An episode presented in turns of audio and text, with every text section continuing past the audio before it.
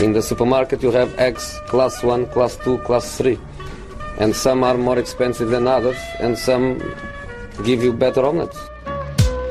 That's the wrong information. Wrong, wrong, wrong information. I didn't say that. That's the wrong information. Do you think I'm an idiot? Wrong, wrong, wrong information. Now look at me when I talk to you. Your job is to tell the truth. That's the wrong information. Ja, men hjärtligt välkomna hälsar vi då till Sillypodden denna eh, fredag förmiddag eh, sommarsolen. Eh, Frida, hur är vädret i London? Det får vi börja avhandla. Ja men det är lite, lite märkligt väder nu. Eh, det är nästan så här eh, tropisk regnskogsklimat. Eh, vilket, eh, ja det är lite udda. Eh, så vi kan väl anta att det kommer att komma till Sverige snart. För jag har ju insett det att det vädret som är här kommer ganska ofta till Sverige eh, ett par dagar senare. Så är det att- absolut. Ja, precis. Så att eh, ni får se om ni får eh, djungelklimat ni också. Det skulle vara nice. Ja. Det är man ju inte van vid. Eller vad säger du Makoto? Nej, det skulle man väl säga att man inte är direkt. Det är ju, det här, vädret är väl inte Sveriges stora styrka om vi säger så, liksom, rakt om man ser över ett helt år. Jag blir förvånad ändå, Frida, varje gång. Liksom, så det känns ju inte alltid nästan är tropiskt regnskogsklimat eller väldigt varmt och så vidare. Och vi har pratat om det förut, men mer och mer talar för att du egentligen inte är i London. Ja är någon men eh, London är ganska okej ändå. Alltså det är mer, eh, alltså Manchester där har jag inte varit många gånger utan att det har regnat. Det kan jag säga. Ingen som har varit många gånger i. Manchester utan att det har regnat.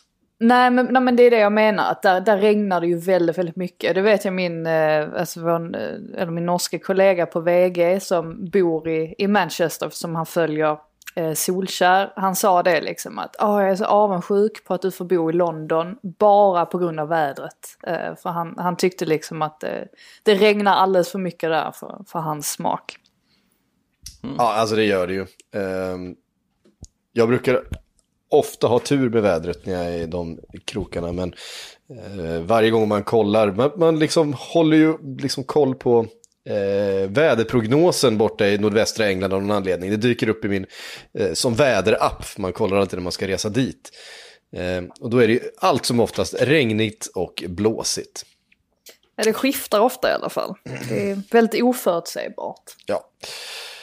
Vi Det har... är i alla fall sol i eh, Sveriges Manchester i Norrköping. Kan jag säga. I är, det, är det Sveriges Manchester? Ja, ja, men typ med fabrikerna och så vidare och alltihopa så har jag, jag kan ha dragit någon koppling och blandat ihop allt i huvudet från vad man har lärt sig. Men jag har för mig att det finns en sån koppling. Säger jag som är från Norrköping, ni hör vilken koll man har. Ja, men det ligger någonting i det. Alltså jag skulle ändå kunna skriva under på det. eh, faktiskt. I Men något så- sammanhang har det kallats det i alla fall. Jo, men jag är det ganska inte ofta för att Linköping är så här akademistaden, lite, det är li, lite mer kulturella och sen så har man Norrköping där som är mer arbetare. Liksom. Jo, så kan man väl typ säga att det är, liksom, det är de gamla fabrikerna och bruken och så vidare borta som finns. Så att det, det finns ju en sån koppling med industrilandskapet i stan. Och spårvagnar inte minst, det finns det i Manchester också. Finns det spårvagn i Manchester? Ja. Jajamän. Fint med lite östgötsk geografi så här på morgonkvisten. Viktigt att få med det ibland. Ja, absolut. Eh, vi har fotboll på gång. Vi fick till och med fotboll spelad. Nu har vi liksom ältat Bundesliga i några veckor här. Eh, igår var det Sevilla-derby. Makoto, hur exalterad var du? Kunde du sitta still där hemma? Ja, alltså man var ju, det här låter ju lite stereotypen, men man var ju lite pirrig hela dagen faktiskt att det skulle börja. Nu hade man ju laddat upp med den andra uppskjutna halvleken av Albacete Rayo kvällen innan, där Segundan drog igång. Så man var ändå lite förberedd på vad som väntade. Men man var ju nyfiken på att se också hur La Liga skulle sköta det här med sändningarna. För att de har ju pratat jättemycket om att ja, men nu ska vi vara innovativa och vi har tagit hjälp av eh, EA Sport som gör Fifa-spelen för att fixa publik på läktarna och artificiellt ljud och grejer. Och man hade ju sina tvivel. Det är för konstigt med det där ljudet alltså. Ja, nej, men alltså man har ju tvivel på grund av att man vet hur EA Sports har gjort det sen- senaste Fifa-spelet och man har tvivel på hur man vet att La Liga brukar hantera diverse saker. Och eh, alltså jag tycker ändå, även om, ja det var ju inte någon så här högoktanig grafik på de där så kallade människorna som skulle sitta där på den där läktaren. Och det var ju lite problem med det från och till. Eh, när det låg kvar då den här som ett täcke över reprisbilderna. Det vart ju jättekonstigt, de fick stänga på och av det där under matchen. Men jag tycker ändå att det tillförde viss del. Alltså jag tycker ändå att man lurar sig själv och tittar på det, att det ändå tillför en viss del än att man bara ser en tom läktare rakt av. Sen att de skulle använda det för att lägga reklam där under tiden det var cooling breaks och sånt, ja. Men Rätt väntat ändå. det finns något att jobba på. Det finns något att jobba på där tycker jag ändå. Om vi pratar rent liksom estetiska i sändningarna. Vad säger du om fotbollen då? Sevilla såg, eh, såg hungriga ut. Ja, alltså Sevilla var ju helt överlägsna, skulle jag vilja säga i det här derbyt. Man fortsätter på den fina form man visade stora delar under förra, ja innan uppehållet då. Lucas Ocampos verkar i alla fall ha konserverat formen. Diego Carlos som var en av de stora utropstecknen, mittbacken då, eh, under de första omgångarna. Han var helt strålande tillsammans med Kondé, ungt mittbackspar där som bara totalt ja, raderade ut Bettis offensiv helt och hållet. Eh, mittfältet också, att man vinner helt och hållet där med Fernando som gör strålande jobb som städgumma. Eh, Fekir Canales kommer inte till sin rätt överhuvudtaget. Eh, det var Sevilla rakt igenom i den matchen som var överlägsna. Även om de kanske inte skapade supermycket chanser så spelmässigt och allt, det kändes aldrig som de var riktigt hotade. Diego Carlos pratade vi ju rätt mycket om i vintras framförallt. För då var det ju en del rykten där kring honom och ja, att en, en massa, eh, ja, massa klubbar som tittar på honom. Men att det skulle kunna vara någonting för Premier League-klubbar liksom som Manchester United och Arsenal, och de här gamla vanliga som vi alltid nämner. Jag tror Liverpool också var det väl en, ett, ett gäng rykten också att de skulle um, ha, ha haft ögonen på honom. Um, är rätt spännande spelare ändå. Eh, alltså tittar man statistiskt sett eller om man jämför hans siffror med de som anses vara de allra bästa mittbackarna, mittbackarna i världen så är han ju fortfarande lite efter eh, på många områden. Men eh, ändå en, en lovande spelare som, som det inte har snackats så mycket om nu ju. Eh, men sen är han väl också, vad är han, 26-27 år gammal så att han är ju inte pur, pur ung eh, heller. Men samma ålder som Koulibaly ju. Ja, alltså om många skulle ju säga att han har varit en av La Ligas absolut bästa mittbackar den här säsongen. Som han har spelat. Eh, och han, som sagt, ja, jag kollade upp det nu när du sa det. Det är ju 27 år han är så att det är ju inte en supertalang på så sätt. Men det är en klart vettig värvning av en Premier League-klubb att göra även nu. Han höjde ju säkert sitt pris och gjorde sig väldigt mycket mer intressant med insatsen han gjorde igår. Ja, alltså, Eh, jag måste bara säga, helt, insatserna. helt sjuk utköpsklausul dock.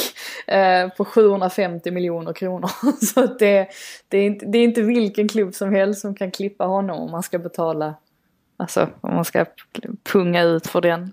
Eh, Men Mon- Monchi gillar ju en bra deal. Med Ja. tanke på att man köpte honom för typ 150 miljoner för, ja, förra sommaren.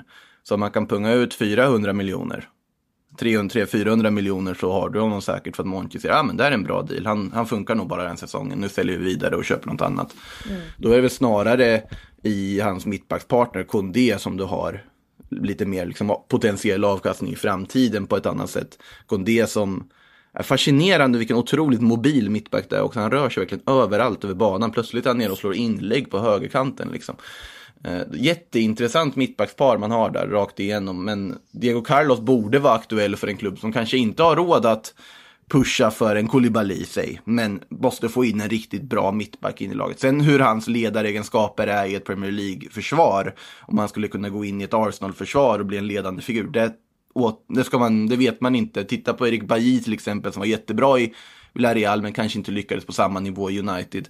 Det är ju väldigt svårt att veta och det är också en säsong vi har att bygga på. Jo. Och att han var ganska bra i Nans också innan det.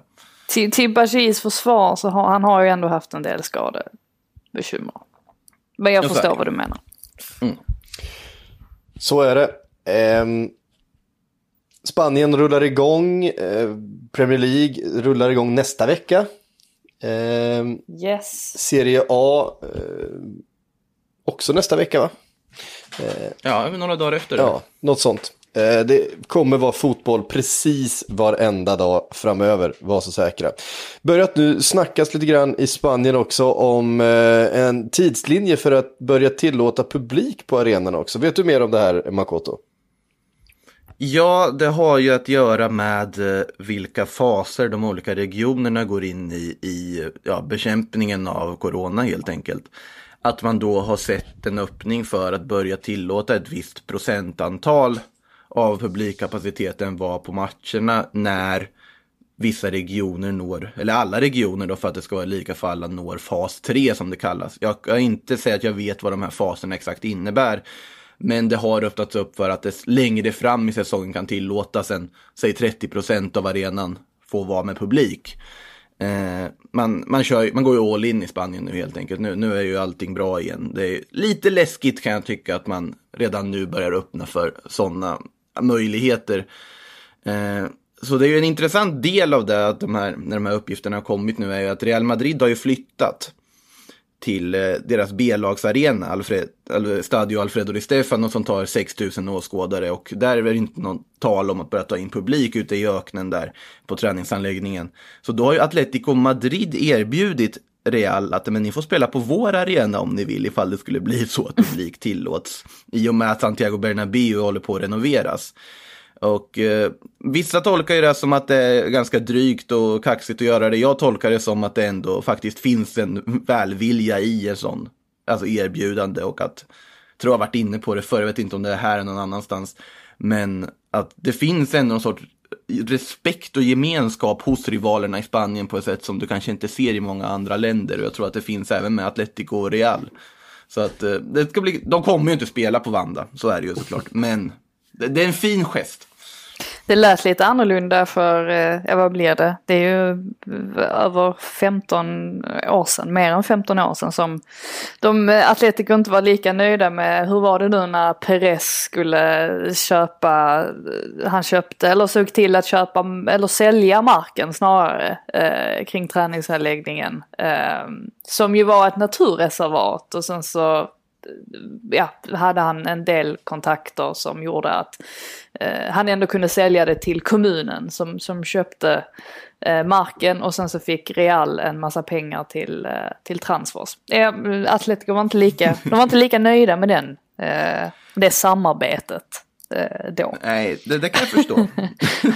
Ja. Man, vad kan man säga om Perez är väl att oavsett eh, vad man tycker om honom och så vidare, så, så länge man har Florentino Perez som ordförande i en klubb så bör man aldrig vara oroliga för att ekonomin kommer bli dålig. Nej, kan verkligen inte. Kan tillägga att eh, Premier League också har börjat prata om ehm, det här med publik eh, redan nu faktiskt. Ehm, det finns i alla fall eh, ganska starka planer på att tillåta publik nästa säsong, så alltså från och med september. Och även att FA-cupfinalen som planeras arrangeras den 1 augusti, eh, att man möjligtvis kan släppa in ett gäng eh, redan då. Så att det går åt det hållet här borta också. Hur är det med akkrediteringar till matcherna som är nu?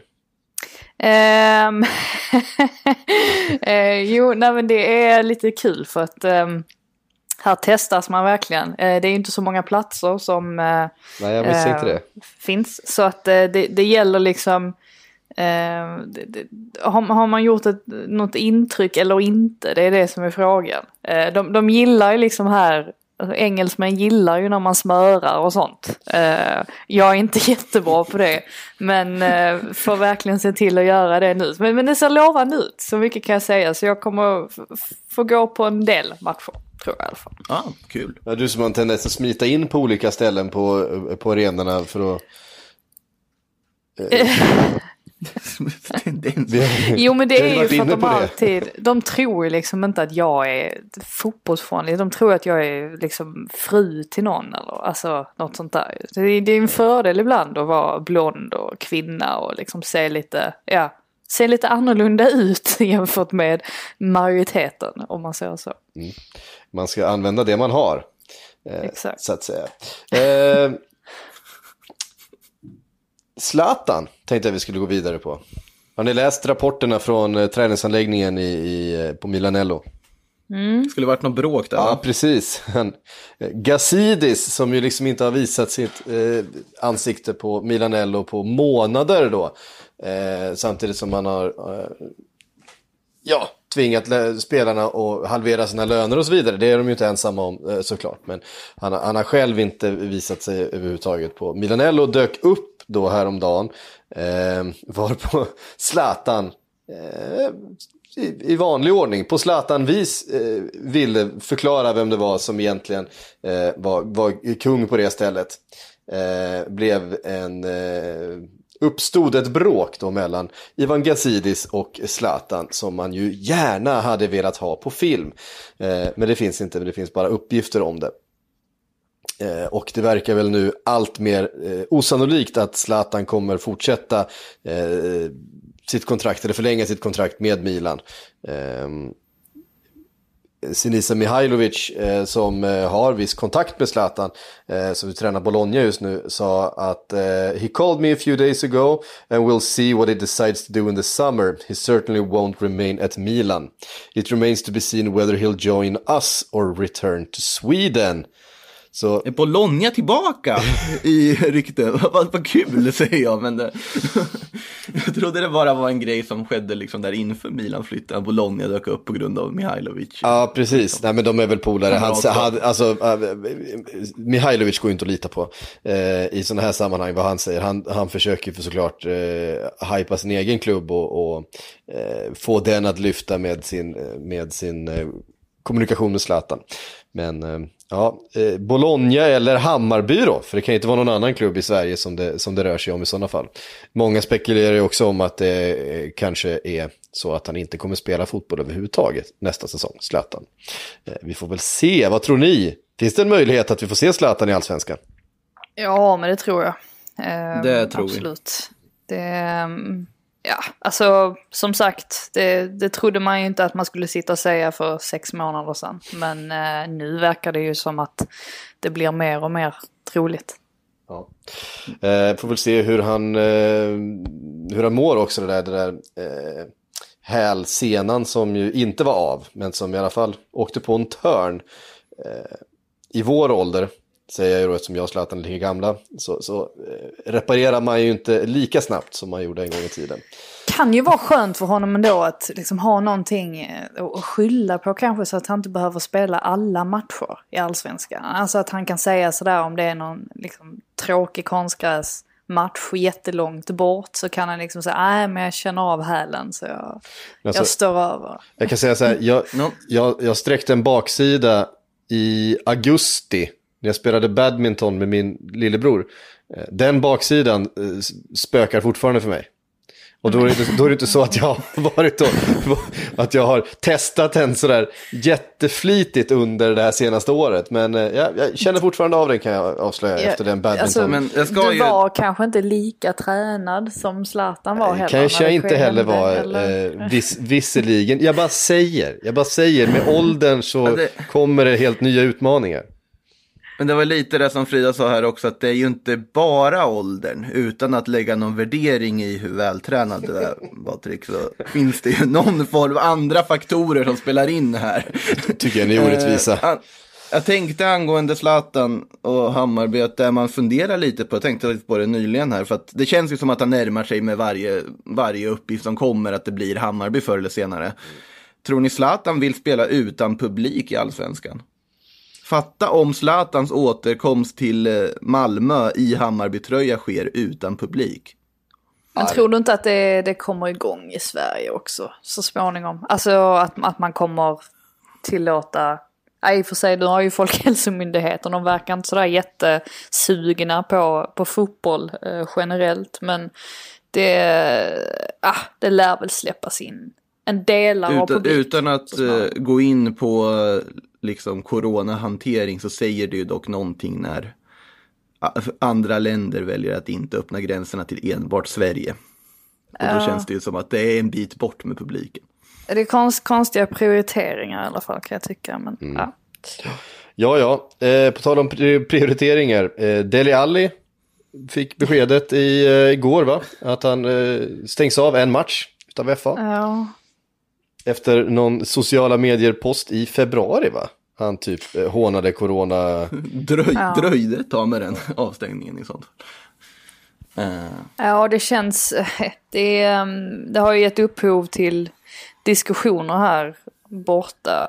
Alltså egentligen främst för att det kommer nu alltså kring Black Lives Matter. ehm, ja, eh, alltså, att, alltså att det har, har ehm, uppmärksammats så pass mycket. Och då har liksom folk börjat tycka att, ja, men vad är detta för prioriteringar? Och, och börjat kika mycket på att i FAs styrelserum och sådär så, så finns det inte en enda svart eh, eller mörkhyad representant. representant och liksom, eh, själva diskussionen har svängt in eh, på sådana grejer. Jag kan tycka lite grann att det är klart att det var, det var ju svindumt av honom eh, att skoja om någonting sånt. Och, eh, jag, jag fattar liksom inte varför, varför vissa personer inte kan inse det att det här borde jag inte lägga upp på sociala medier. Alltså hur kan man inte, hur kan man inte ha den instinkten? Eh, den måste han ju, det är klart att han, han ska liksom få skit för det. Samtidigt så är jag ju väldigt spänd nu på att se vad som händer med dem som exempelvis bröt mot, mot karantänsregler och, och den typen av saker. Alltså det, eh, det lär väl inte hända någonting för jag tror inte att det går under samma, eh, liksom, ja, det är inte samma kategori av förseelser eh, så att säga. Men eh, ja, man kan ju alltid liksom väga, väga olika incidenter mot varandra. Det, det beror väl helt på hur man ser det och nu såg uppenbarligen FA det på det här sättet. Ja. Um, en match missade han som sagt, Deli Ali. Uh, eh, vi har lite rykten också, ska vi uh, kasta oss in på det? Eller vill vi säga någonting mer om uppstarten av ligan? Någonting som vi bör känna till? Vilka lag är det som spelar i ligorna egentligen? Kommer man ihåg det? Vi, jag, vet, jag minns att Liverpool är kvar i, i Premier League. Eh, så, så mycket har etsat sig fast. Sen så är det oklart finns, det finns väl typ sex stycken så, här, så kallade Big Six i Premier League va? Jag vet inte om de är i toppen. Nej men de, de existerar typ inte längre. Nej, det Ja, har, det, det är i och för sig sant, det gör de i och för sig inte. Så att det, det var ändå en vettig fundering där. Nej. Ja, men det, det, är- det är väldigt märkligt här. Man har glömt vilka som var bra och vilka som var dåliga. Hur, hur låg West Ham till egentligen? Uh, nej, då Men- måste man in och kolla. Jag känner att... eh, Är du seriös med det ja, här? Att du alltså, inte ty, kommer ty, tycker du verkligen det här? Jag tycker, alltså, det, Nej, det är det enda jag- som jag- snurrar runt i mitt huvud. Ja, precis. Nej, men, eh, jag menar bara, jag vill fånga upp en allmän känsla av att, att man, man på något sätt eh, behöver så här, starta upp hela fotbollshjärnan igen. Eller jag märker att man gör det. Man börjar, jag har i alla fall släppt väldigt mycket av det som normalt sett snurrar i mitt huvud vad gäller eh, fotboll och då framförallt Premier League. Eh, att man säger, jaha, fan hur var det nu igen? Så att det, mina dagar går nu ut på att sitta och läsa i kapp allting och gå och titta på gamla matcher och eh, liksom pumpa igång det här igen. Eh, det Alltså kanske- för mig är Det är din det... badmintonskada som har tagit uppmärksamheten, det är väl det då? Ja, det är väldigt mycket diskgolf ska jag avs- avslöjas. Det kan, jag- kan jag säga. Jag har spelat oerhörda mängder diskgolf senaste veckorna.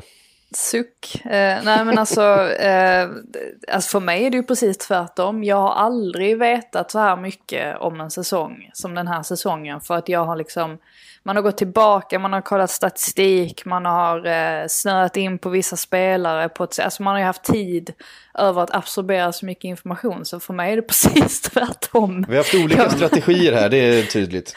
Ja, Man har ju aldrig haft så god koll på en ligatabell efter x antal omgångar som man har just nu inför det här. Måste bara flika in när du nämnde discgolf. Vet du vilken eh, klubb som är världens mest framgångsrika i discgolf och brukar vinna alla VM-guld och sånt?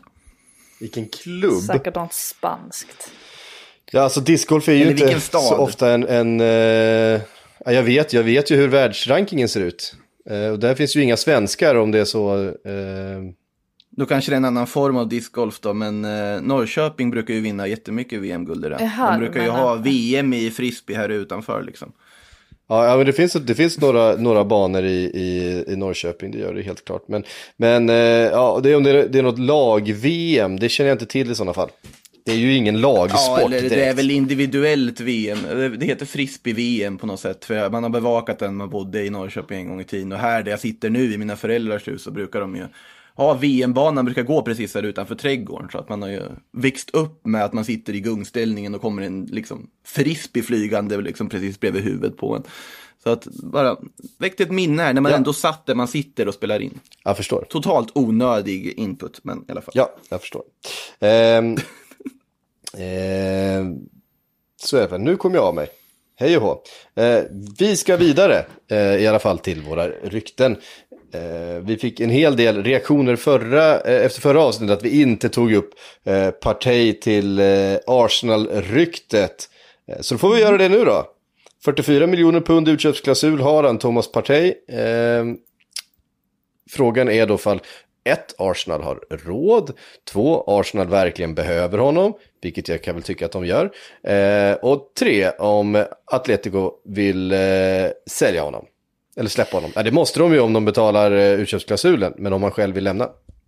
Eh, han själv verkar ju absolut vilja lämna. Eh, jag tycker han har flörtat med både liksom, Premier League i stort och särskilt Arsenal ganska friskt eh, de senaste månaderna. Och det verkar ju som att det... Mycket rykten är det ju. Eh, Ja, men och, och det, det ser ut som att de har nått en... Eh, alltså kommit överens om det personliga kontraktet i alla fall. Um, sen är ju frågan, men samtidigt det är det är inte så mycket pengar. Alltså det är ju ingen, det är ingen miljardvärvning. Um, men jag, jag tror ändå att Partey, alltså att gå till Arsenal, det kommer kännas som en miljardvärvning bara för att han är, han är ju den typen av spelare som de absolut behöver eh, på mittfältet och som de förmodligen kommer ha extremt mycket nytta av. Så att um, Nej, Arsenals fansen får hålla tummarna nu för att eh, det går vägen. Men det verkar ju inte finnas några utmanare så tillvida. Alltså man har liksom inte hört några jättestarka rykten om andra klubbar. Så att eh, förhoppningsvis för deras del så finns det ingen som kliver in och, och kapar den. Om, Nu minns jag inte vart jag såg det citatet, men jag vet att det pratas ändå om att det ska finnas någon form av utmanare. Frågan är vem det är.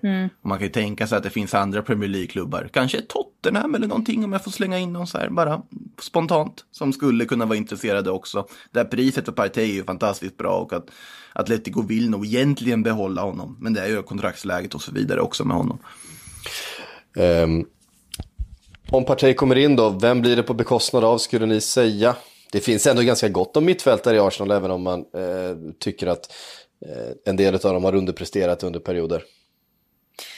Ja, alltså det finns det absolut. Jag, nu försökte man ju skapa sig någon uppfattning här eh, efter eller under eh, matchen här mot Brentford och man fick se startelvorna. Eh, hur han har tänkt, Arteta. Och man fick inte, så nu var inte Xhaka med tror jag. Eh, jag vet inte om han har åkt på någon skada eller sådär. Jag, jag bara såg att han, han spelade inte i alla fall tror jag.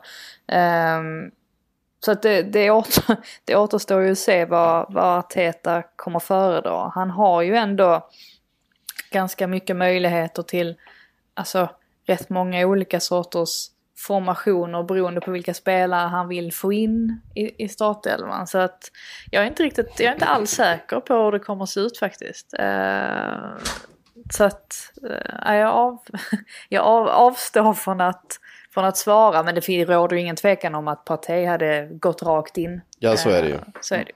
Ja, för det man tänker är att det finns ju liksom en, en Guendouzi vi har sett, liksom, eh, pratat mycket om och sett en väldig potential i att eh, det är ju en sån som redan har fått lite, eh, ja, inte varit given i startelvan, pendlat ganska mycket i sina prestationer med något som vi ändå sett fram emot, kanske ska ta det där klivet nästa, nästa säsong. Eh, Frågan om det kan bli eh, på bekostnad av honom, det finns ett Torreira, vi var inne på Xhaka.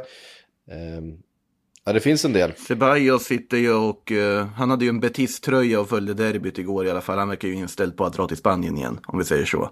Eh, det blev inte helt nu, Nu lyckat. är ju han Betis fostrad och så vidare, så att såklart han stöttar dem fortfarande. Det såg man ju var lite kul att se både Ceballos där med, som stoltserar i Betis-tröjan och Ben Yedder som väldigt öppet twittrade Vamos med Sevilla liksom på den stuket. Eh, även fast han lämnat klubben. Men både Torreira och Ceballos skulle jag säga ändå är frågetecken inför nästa säsong sett till att ja, Ceballos verkar ju ha sitt huvud någon annanstans. Torreira har man ju inte fått ut till fullo det perfekta, alltså där man vill få ut av och det känns ju inte omöjligt att han skulle välja att lämna eller att man väljer att ja, byta ut honom. Det hade varit ett logiskt skifte också sett i spelstil och så vidare att byta Em, en Torreira mot ja. Partey. Emery fick ju inte ut eh, max av eh, Torreira. Mm. Men, och, och sen så eh, skadade han sig ju. Så att, Precis, eh, precis. Men eh, alltså Arteta har ju hela tiden eh, alltså pratat väldigt positivt om honom. Eh, så att det är ju, det är ju möjligt att, att han kommer att jobba för att för att ha honom kvar Mm. eller för att hålla honom nöjd. Men eh, absolut, det har ju funnits en del eh, flyttrykten kring honom just av den anledningen att han förstås vill spela fotboll och ha, ha en, viktig, en viktig roll så att säga. Eh, så att vi får se hur det påverkas nu ifall Partey kommer in. Men de, de har ju inte mittfältare i överflöd ändå. Alltså det, det är ju inte så att, eh, ja, ehm, det, det, det finns, det behövs uppgraderas, så kan man säga. Det finns ju en väldigt stor grupp mittfältare som inte riktigt är tillräckligt bra för att bära Arsenal, men är lite för bra för att sitta och nöta bänk i ett Arsenal. Kan man väl säga. Så kan man väl sammanfatta det. Eh, Ja. Absolut. Eh, vet ni vad, vi går vidare till... Eh, ja, vi stannar i Arsenal. Därför att Hector Bellerin, eh, nämligen identifierad av Inter Milan. Eh, Nej, nej, oj. Jag vet- kaparen. Nej! Det är en helt orimlig reaktion, jag vet inte. nej, det, var, Men jag- det jag- kom jag från jag hjärtat. hade det är väl den, den mest rimliga reaktionen. Ja men det är den mest, det är ju för att den, det är den mest rimliga spelaren i världen. Alltså varför? Han får inte, han får inte lämna Premier League. Alltså Premier League kommer liksom dippa rent intellektuellt. Något ofattbart om han lämnar. Det- Ja, det var bara det. Det var, det, var, det, var, alltså det var inte så att du, du, du sköt ner ryktet. Du bara reagerade på det utifrån ett liksom, känslomässigt. Eh, Ja. ja, ja. Och det är helt, det är helt okej. Hur känner du Makoto inför att eh, Beirin eventuellt flyttar till Italien? Jag älskar att du bara flyttar frågan till mig för att jag ska ha någon sorts Nej, men jag, vill, jag, jag, vill, jag, vill få, jag vill få din, din ärliga känsla, jag vill få ditt, liksom, din spontana, ditt spontana uttryck här. Spontana uttryck är att eh, Inter fortfarande letar efter eh, wingbacks till det här systemet man har under konten när man sparade in på det och plockade en Ashley Young under vinterfönstret. Vilket ju då tanken var kanske att då satsa den här sommaren istället.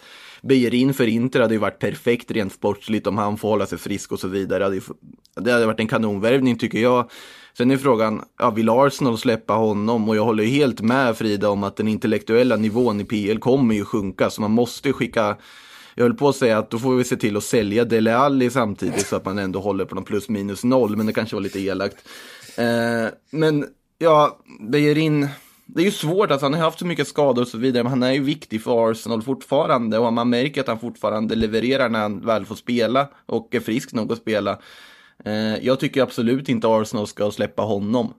Men det är ju inte omöjligt att man gör det för att kunna finansiera kanske en Thomas Partey eller dylikt. Så jag tror man får väga in också att... ehm, alltså jag, jag har svårt att se, alltså nu känner inte Bejerin, men jag har svårt att se kanske att han Men skulle... du vill inte gärna släppa honom? Nej men att jag har svårt att se att han själv skulle vilja lämna Arsenal bara sådär. Ehm, inte om han liksom får, alltså nu har han precis kommit tillbaka från skada eh, igen. Ehm, och jag menar han har en väldigt, väldigt viktig roll i Arsenal som en av de liksom, absolut främsta ledarna i laget. Eh, han har tillbringat så många år i klubben och känner väldigt mycket för den. Eh, alltså jag har svårt att säga att, att han bara skulle liksom, hoppa på någonting annat bara sådär hux flux. Så att eh, nej, jag väljer att tro att detta inte kommer att hända. Milano är ju en modestad ska tilläggas också. Ja men det är London också det. så att... Ja det är det ju i och för sig, men eh, Milano är ju känd som just modestaden på så sätt. Liksom. Det är väl inte omöjligt att Bejerin vill ändå utforska en ny typ av mode och liksom se nya, Fast och London vidga sina är vyer London rent är- liksom estetiskt. London är ju en trevligare stad. Alltså generellt. Jag gillar jag Milano, jag gillar Milano Ja. men, men jag tycker ändå att London trumfar Milano. Så att, men, det Jag är, tycker böjer in det. men det är ju inte jag som ska bo där så att jag förstår inte varför jag... Frida vill verkligen inte släppa Beirin. Det är ju väldigt tydligt. Jag här. tycker om London. Jag kan inte... Äh, vi, eh, vi, vi lämnar honom där och det har väl inte varit några, några eh, sådär Tydliga signaler på att det är någonting på gång eh, alldeles just nu. med att, att eh, Antonio Conte ska ha eh, visat intresse för just Beijerin. Här, är, här kommer ett rykte som jag är väldigt sugen på att kasta på dig Makoto. Det är nämligen så att Wolves har identifierat eh, Espanyols Vouley som ett eh, möjligt eh, transfer target den här sommaren. Han har tydligen utgående kontrakt, eh, den 28-årige kinesen. Va, vad kan du säga mig om eh, Lei? Han var ju helt fantastisk i den kinesiska ligan innan han kom till Espanyol, ska ju tilläggas. Var med där uppe och tampade som pris som årets spelare tillsammans med alla de här dyra brassarna och gjorde succé där. Espanyol plockar ju in honom både för att det är en väldigt duktig forward, snabb, målfarlig och så vidare. Eh, men också för att det såklart boostade, ja, alltså marknadsföringen ut mot Kina något helt enormt. Naturligtvis är det ett intressant namn för Wolves då att plocka in som ju säkert skulle dra väldigt mycket nytta i liksom sin marknadsföring av att få in en Voley som jag skulle säga är den absolut bästa kinesiska spelaren vi har i, utomlands idag. Ehm, och Espanyol som riskerar att åka ur La Liga. Jag tror inte de, Woley kommer hänga med dem ner i segundan om vi säger så. Sen är det väldigt svårt att se att han ska gå in och ta en startplats i ett lag som Wolves idag. Det, det är en spelare med kvaliteter absolut, men jag har ju svårt att se det att han inte ska vara med ett komplement i alla fall. Ja, han petar ju inte Jiménez eh, direkt om man säger så. Men det är väl om Jiménez lämnar. Ja, och sen får man ju komma ihåg att Wolves är ju en väldigt, väldigt bra startelva. Eh, rent truppmässigt så Mm. saknar de ju en del. Precis. Så att det är väl logiskt att titta på en Voley som säkert inte skulle kosta jättemycket pengar eller sett i kontraktsläget och sett till att Espanyol faktiskt riskerar att ryka den här säsongen. Precis, och han sitter ju på ett utgående kontrakt så att eh, de ser väl också att det finns en, en bra affär att göra här. Han är ju eh, 28 år gammal eh, nu, eh, Voley. Så han ska väl liksom eh, in i sin, sin bästa eh, fas i karriären kanske. Eh, och göra sina bästa, bästa säsonger precis just nu då. Det kan ju vara en, eh, i det här läget eh, med pandemi och ekonomisk osäkerhet, eh, skönt att inte behöva betala så mycket eh, transferavgifter för att bredda truppen. kan ju vara extra bra att få in en kines också med tanke på vad de sysslar med borta i USA och vad som antagligen kommer ske med världsekonomin och, och så vidare. Man ska hålla sig väl med kineserna. Det, Ja, tänk att jag sitter och säger det här, men i alla fall, ja, i alla fall. innan, jag säger något, innan jag säger något dumt kanske vi ska gå vidare. nu ska vi, inte, vi ska inte gå dit Makoto. Vi ska inte gå den vägen, så jag tycker vi Gå, fortsätter. gå inte Dele Alli-vägen här tänkte jag säga. Nej. Eh, bra. Eh, Hakimi hörni. Hakimi. Eh, Real Madrids utlånade ytter då som befinner sig i Borussia Dortmund. Eh, Chelsea, Manchester City och Tottenham har alla hört sig för om tillgängligheten för eh, den unge marockanen.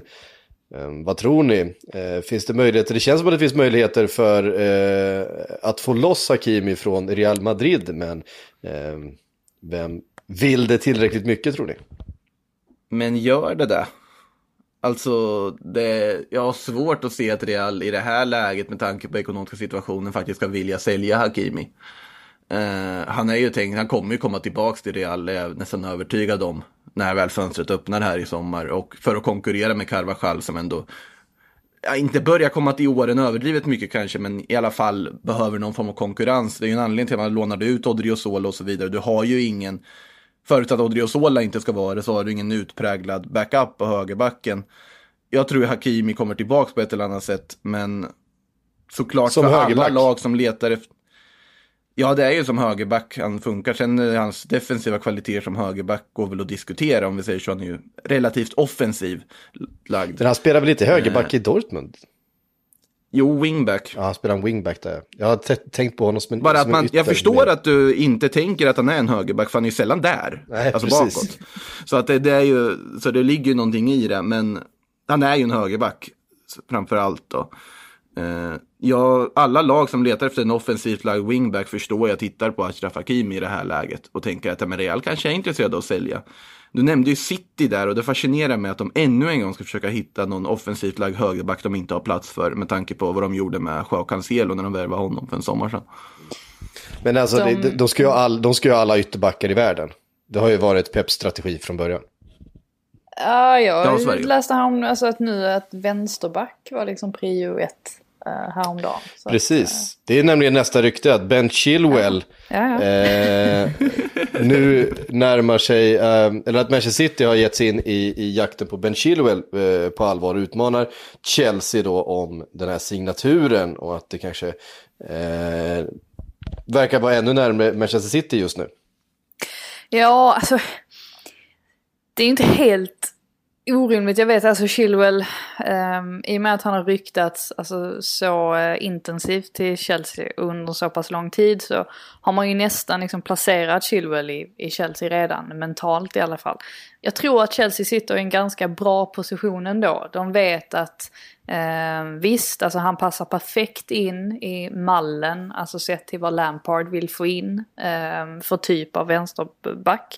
Eh, däremot så vet de att det finns andra alternativ på marknaden om det skulle vara så nu att Leicester strular. För jag tror att det är framförallt Leicester som kommer göra allt nu för att verkligen mjölka den här eh, övergången, precis som de gjorde med Maguire. Eh, när de liksom eh, drog ut på det och eh, verkligen pressade upp prislappen. Eh, problemet är att de kan ju inte göra det nu på grund av pandemin på samma sätt. Men de kommer ju ändå försöka få, få så mycket pengar som möjligt. Så att ehm, det är väl inte helt omöjligt då att City kan ge sig in där och, och kanske till och med ehm, få honom till slut. Eh, frågan är liksom var han, vad han själv vill. Eh, jag kan ju tänka mig att han vill lämna eh, säkerligen. Eh, så frågan är bara liksom vilken, vilken klubb han själv hade föredragit i så fall och vem som är villig att, att betala mest.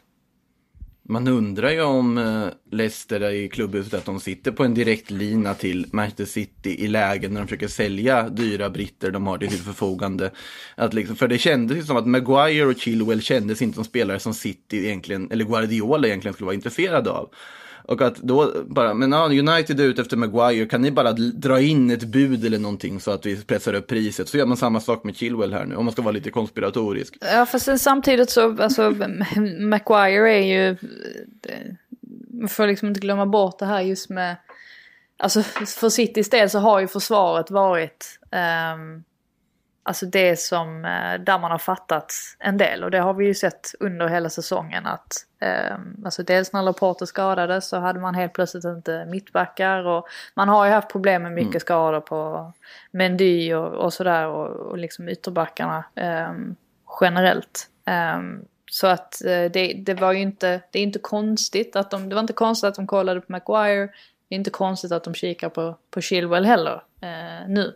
Uh, som sagt, sen är ju inte City känd för att vara en sån där klubb som bara Um, alltså visst, de la väldigt mycket pengar då när de skulle bygga upp det här liksom, fantastiska laget som, som Guardiola uh, i princip satte ihop. Um, men de är inte kända för de, de splashar inte pengar på spelare hur som helst. Det såg vi ju då i Alexis Sanchez, eh, ja, det, transfern till exempel när det såg ut som att han skulle hamna i City men de kände liksom att nej, vi kommer inte lägga så här mycket pengar på honom och så hamnade han i United istället. Så att bara för att de har eh, spenderat mycket pengar eh, så innebär ju inte det nödvändigtvis att de gör liksom hutlösa köp sådär. Och det kan de ju inte göra nu heller. Eh, med tanke på eh, Financial Fair Play. Nu är ju faktiskt ärendet, eh, jag tror att det är sista dagen idag eh, kring de förhandlingarna så vi lär få veta snart hur det har gått i KAS.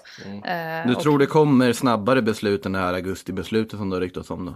Eh, det, det har ju, eh, alltså de har ju fått, ehm, eller de har ju till och med själva, alltså City bett KAS om att eh, ta tag i detta så snabbt som möjligt. Och, och förhandlingarna har skett nu, alltså under den här veckan.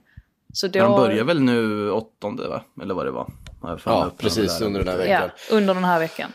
Man skulle haft en, man skulle haft en fulström därifrån. Hade varit, Jag tror att det är ganska, är lite, City ska ju liksom skickat ett, ett, ett helt liksom privat plan med advokater. så att det blir, ja. Jag tror det hade fått oerhört. eh, Palme, Palme-presskonferensen att framstå som fast-paced. alltså om vi hade suttit och tittat på det där en vecka, det kan jag väl säga.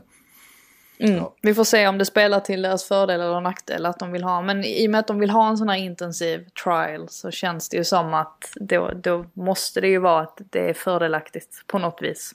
Kan man anta. ja. Hörni, vi har lite frågor vi ska hinna besvara innan vi knyter ihop den här eh, eh fredagssäcken. Ante skrev, eh, ni pratade om att United inte har råd med Havertz, men hur mycket råd har Leverkusen att säga nej eh, till under pågående pandemin? Ja, det, så kan man vända på det.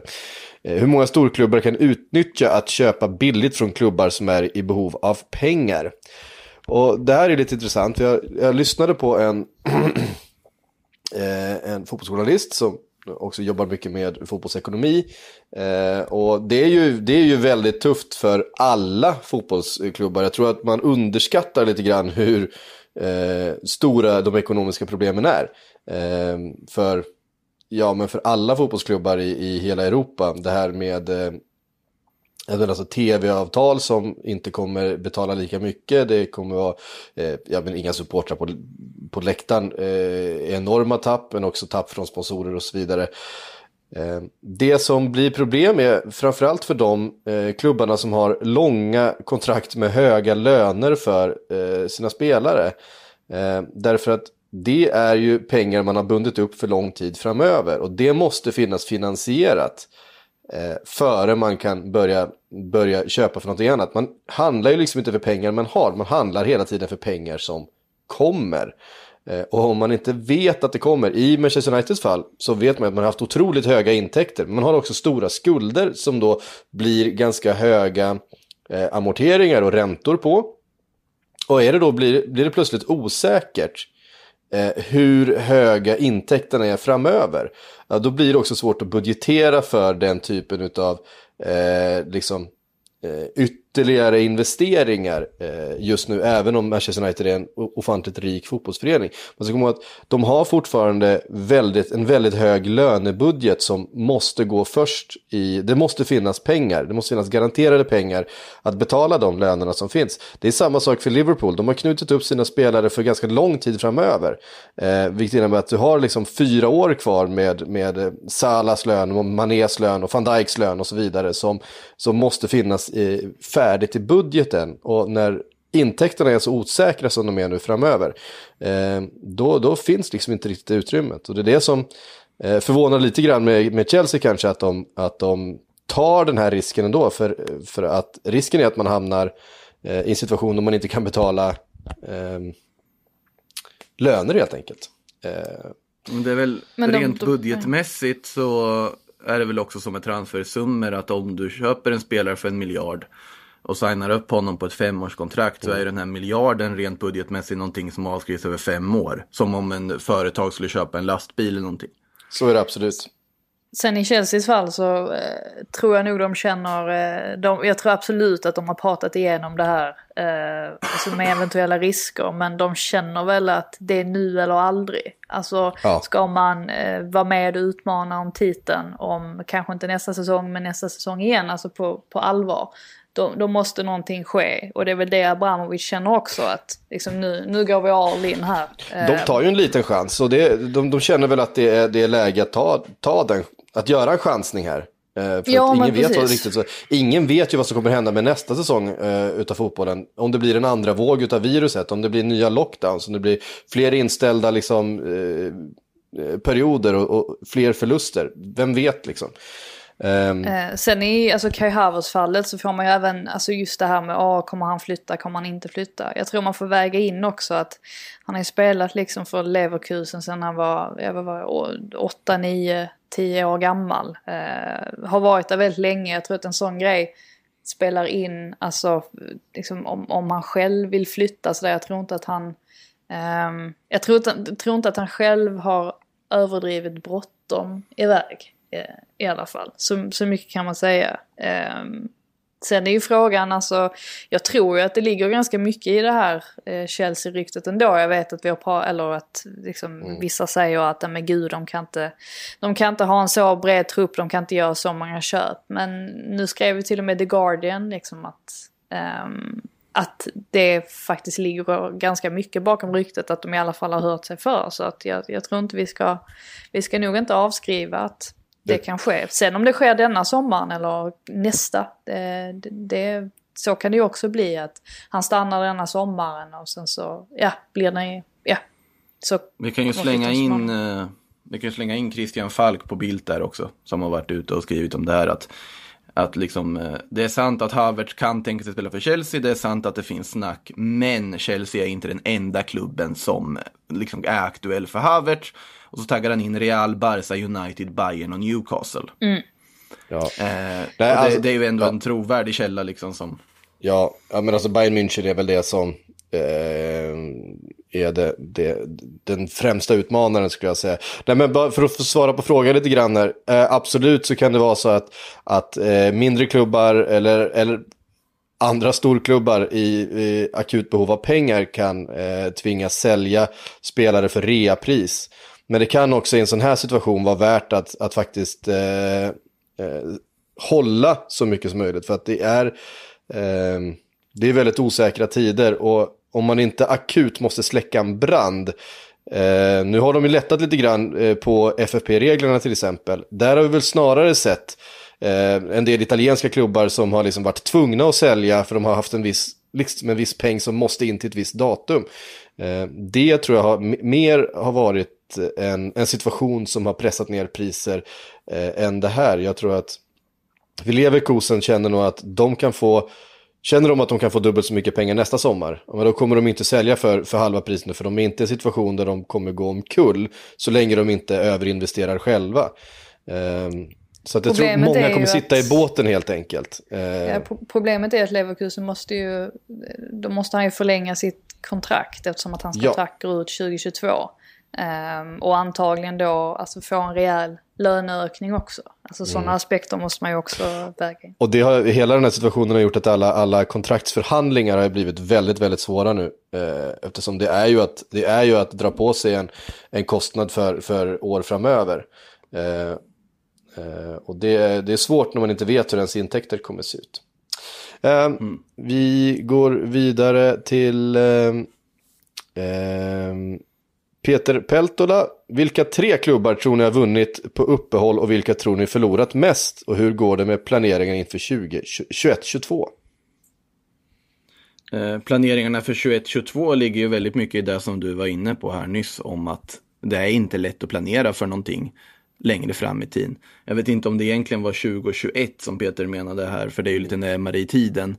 Men eh, om man nu går till liksom grundfrågan så Hittills så känns det ju som att de klubbar som vinner på ett uppehåll är väl de som har det redan ganska gott ställt och som har haft skador som nu de får tillbaka spelare från. Jag tänker på ett Real som får tillbaka Hazard och Marco Asensio. Mm. Barcelona får som tillbaka tillbaka en Luis Suarez. Suarez, precis.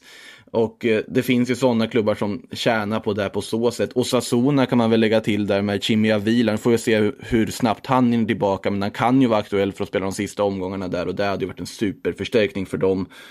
Eh, de som förlorat mest på det är väl sådana klubbar som det är väldigt svårt att veta också. Man kan ju se liksom på resultatrader och så vidare hur det går för dem. Man kan titta på ett Schalke i Bundesliga som varit katastrofala efter uppehållet.